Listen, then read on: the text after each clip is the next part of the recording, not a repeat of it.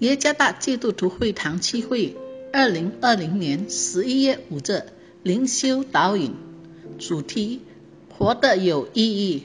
经文诗篇七十三篇一到二十八节。神是在恩待以色列那些清心的人。至于我，我的脚几乎是闪，我的脚险些化跌。我见二人和狂傲人享平安，就心怀不平。他们死的时候没有疼痛，他们的力气却也壮士。他们不向别人受苦，也不向别人遭灾，所以骄傲如链子戴在他们的项上，强暴像衣裳遮住他们的身体。他们的眼睛因体胖而突出，他们所得的过于心里所想的。他们讥笑人，凭恶意说欺压人的话。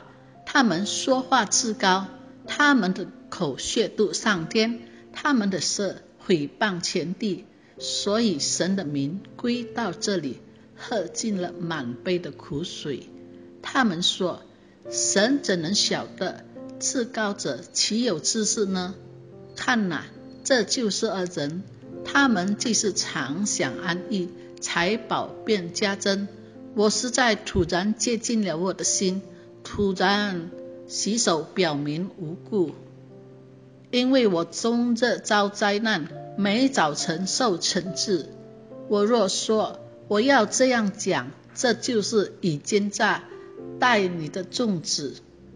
我是说，怎能明白这事？眼看世事为难。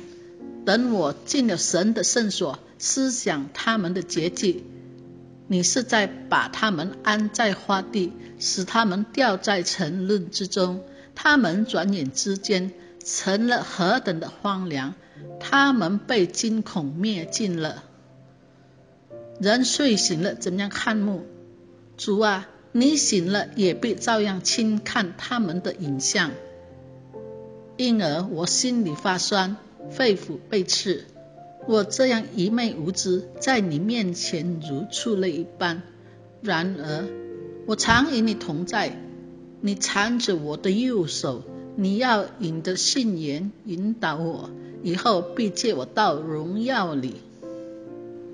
除你以外，在天上我有谁呢？除你以外，在地上也没有所爱慕的。我的肉体和我的心肠衰残，但神是我心里的力量，又是我的福分，直到永远。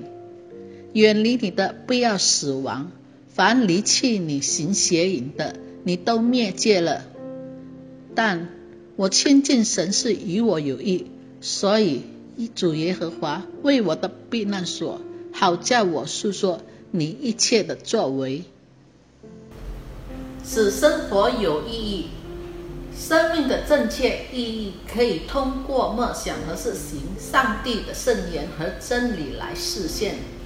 从那里将解释发生的一切事的正确理解。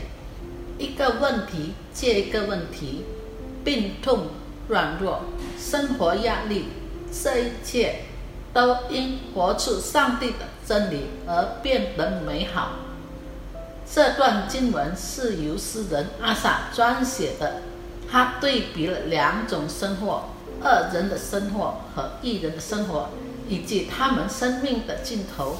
恶人的生活将以毁灭和徒劳而告终，即使他们外表看上去顺畅、成功、幸运，且没有问题，他们的心感到骄傲。同时，一人生活在压力和苦难中，感到维持正义或政治是突然的，看起来有许多问题，有罪恶感、困惑。初时，诗人亚萨很难解释他一生中发生的一切，相反。他嫉妒那些被认为比他的生活更幸运的恶人的生活。他认为上帝是不公平的，因为他让二人经历了美好的生活条件，而他不从上帝的一生，却经历了许多困难。当上帝对他说话时，他感到愚蠢。他的心充满了上帝的真理，真理引导他真切地解释生活中发生的一切。他越来越了解上帝，他自己及其他人。他的人生目标，在任何情况下，虽然他的肉体和心肠衰残，他仍然爱慕上帝。他意识到那些远离上帝的人必要灭亡。最后，他的生活亲近并见证上帝。在生活中，我们经常误解生活，我们可能会觉得上帝对我们不公平。我们已经表明了对上帝的顺服。但上帝似乎将我们在生活中遇到了许多困难。虽然我们知道有些人不顺服，甚至不在意上帝，但他们的生活却过得很好。我们嫉妒这样的人。